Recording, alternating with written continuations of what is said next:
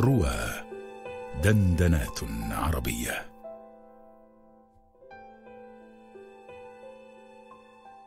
الحج لا توحيد كاملا مع معقول. مقال لمنى نشر في موقع مدونة الجزيرة. إن لم أقم بالحج هذا العام فلن أقوم به أبدا. كنت أشعر بثقل هذه الخطوة إذا ما أجلتها عاما آخر. لا أعرف ماذا سيبقى من إيماني. هذا إن عشت أصلا. يحاصرني الشك. تستعر الأسئلة في داخلي. أحاول التقاط الحكمة وخلق المعنى في كل العبادات. أفشل في فهم كنه الأشياء. لطالما أفشل. هناك وحش يستهويه نهش يقيني. أشعر بهذا الوحش يكبر كل يوم أكثر. الموافقة فاجأتني في تلك اللحظة فقط. أخبرت بعض المقربين جلهم لم يتردد من نهيي عن خوض التجربة. الحج بهذا القدر من الشك عملية انتحارية. عزمت على الأمر وليكن ما يكن حاولت قراءة سورة الحج. ثقل لساني. بكيت بلا دموع. لم أستطع إكمال الآية الأولى. أهداني بعض معارفي كتبا لا تخلو من الرقائق واللطائف وملينات القلب والشوق لمكة. كل تلك العطايا على قدر امتناني لأصحابها لم تؤثر بي مطلقا. القسوة تقتلني تدمرني. عبثا أبحث بين لوحات المستشرقين عن رسومات صورت هذه التظاهرة الإيمانية في قرون خلت. أحاول تهيئة نفسي بأي إطار بعيدا عما يثير قلقي وهواجسي أكثر. فلتكن اذا رحلة في بطن التاريخ رحلة مجردة من أي اعتبار.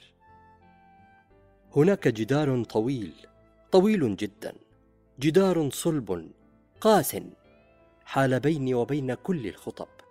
جدار بنته الهزائم والحماقات والتجارب ومندوب مبيعات الله وكل الانتكاسات التي لاحقت أحلامنا عاما بعد عام. جدار يتعاظم حجمه كل يوم أكثر. كان اقترابي من هذه المواعظ يدفع عقلي للنكران ويغرق قلبي بالنفور. وصلت إلى الرياض قبل الثامن من ذي الحجة بفترة وجيزة. كنت أجمع آخر أجزاء المكسورة في زوايا الذاكرة. الهشاشة تزداد مع اقتراب موعد اللقاء. أحاول ترتيب قلبي لكن القلق أكبر. حزمت حقيبتي ذعرا مني توجهت إلى المدينة المنورة. عل النفس فيها تهدأ. استقبلت طيبة النبي وصحبه بسعف النخيل والغناء. مدينة أسست لتكون منارة التحرر والانعتاق. مدينة التحولات الكبرى مدينة التغير الأعظم. مدينة ما زارها أحد إلا ولف قلبه اطمئنان غير مفهوم. حتى اليوم يعرف أهلها بطيب المعشر والكرم. يأوي إليها الضعيف ينصر فيها المظلوم. ويطبطب فيها جرح الكسير. مدينة ما زالت أقل صخبا من سواها. كانت طيبة وجهتي املا في السلام. دخلت الحرم النبوي قبل ساعات من صلاة الفجر. المسجد فارغ من المصلين على غير عادته. أريد زيارة الروضة بعيدا عن الزحام. هناك أوقات مخصوصة. أفضلها بعد صلاة الفجر. آثرت إكمال السهر. رفعت الصلاة. انتهت الصلاة. انشق سقف المسجد مع الشفق. لحظات ويفتح باب الروضة. يتدفق النساء من حيث لا أدري. يركضن جميعا إلى القبة الفيحاء. رحت أسابقهم دون وعي مني. أنا في الروضة أجدني في المقدمة. أقف لأصلي تحية قدسية. أرفع يدي للتكبير. أصوات الناس سلبتني. أبحث في وجوههم بدهشة غريبة. على يميني سيدة من داغستان. تغمض عينيها كغزالة مصابة بسهم. تذرف دمعا بألم باذخ الفتنة. على يساري أخرى من نيجيريا. ترتدي عباءة واسعة بلون أزرق داكن تتبرك بالجدران تقبل كل ما تطاله يدها. تقطع خيطا من السجادة تطبق عليه مصحفها تخفيه تحت الحجاب. أشيح بنظري إلى جلبة في الخلف. سيدة تخترق الزحام لتصوير الروضة الشريفة. سيدات حولها ينهلن شتما وصرخا. ما تصورين الحريم التصوير حرام. انزويت إلى الصف الأخير في المسجد أخرجت من حقيبتي كتاب تصوف لليوناني نيكوس كازانتزاكيس. هذا الكتاب أعارني إياه أحدهم على عجالة قبل السفر مع وصية شديدة الحذر رحت أطالع المقدمة. للكاتب روح قلقة متمردة. عاش في عصر عاصف اجتاحته الحرب الأهلية اليونانية والحربان العالميتان الأولى والثانية من قبل. إحدى كتبه الإغواء الأخير وضعها في الفاتيكان ضمن القائمة السوداء. كازانتزاكيس عاش واقعا مليئا بالانكسارات التي تشبهنا. المكان مكتظ بدأت أقرأ. غابت كل الأصوات.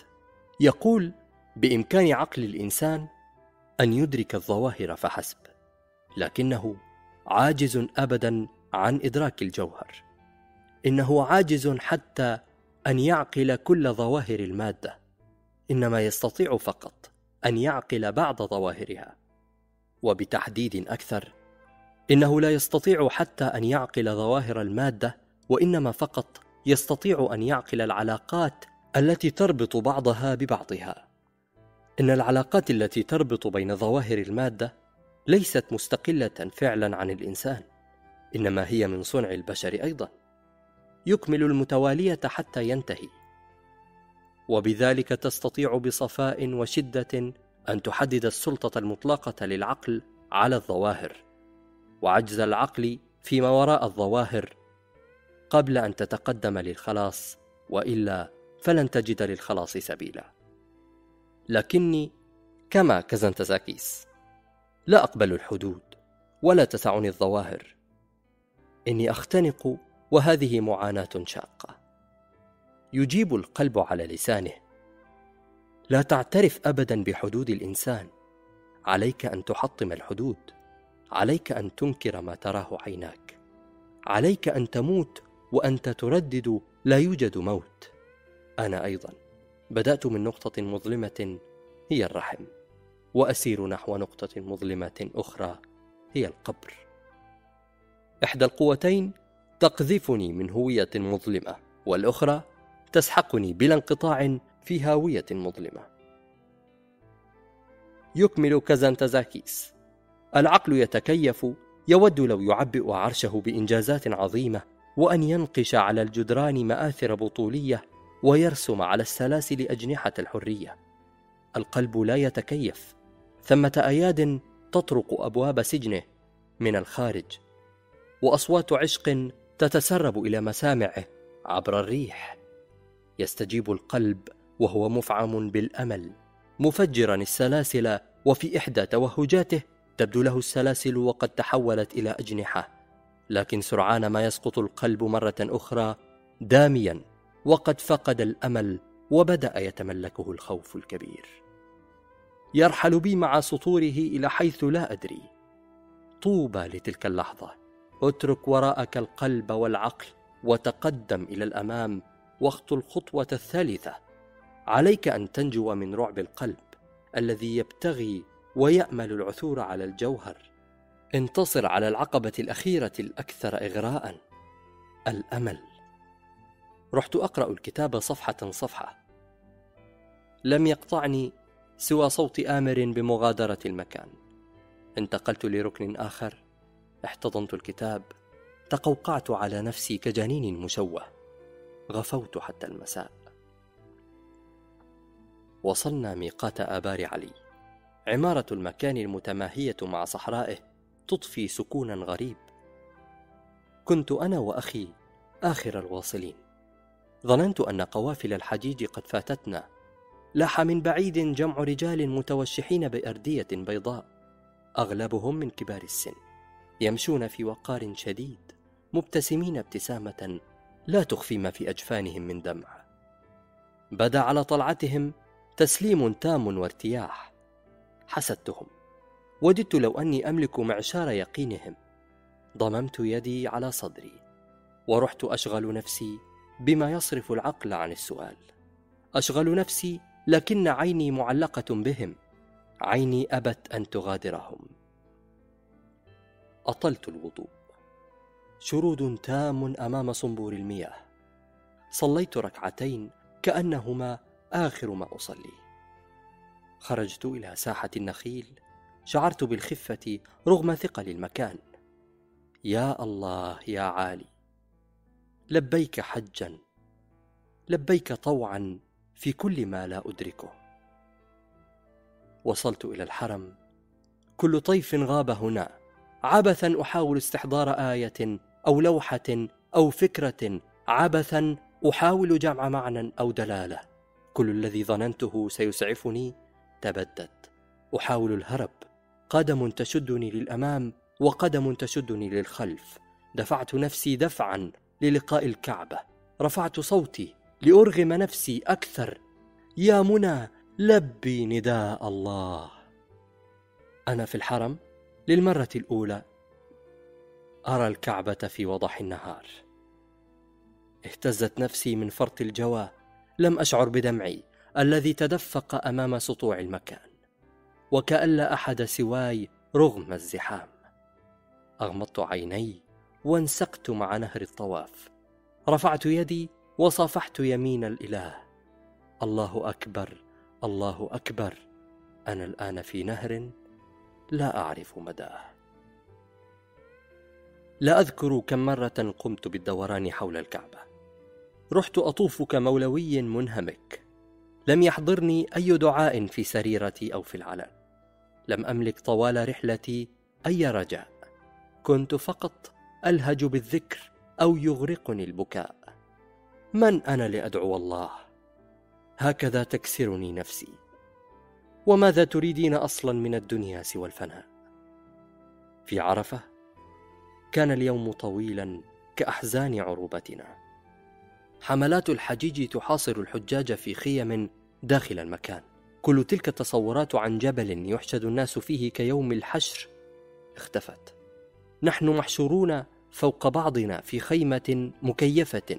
نبتهل إلى الله أثناء تناول الآيس كريم.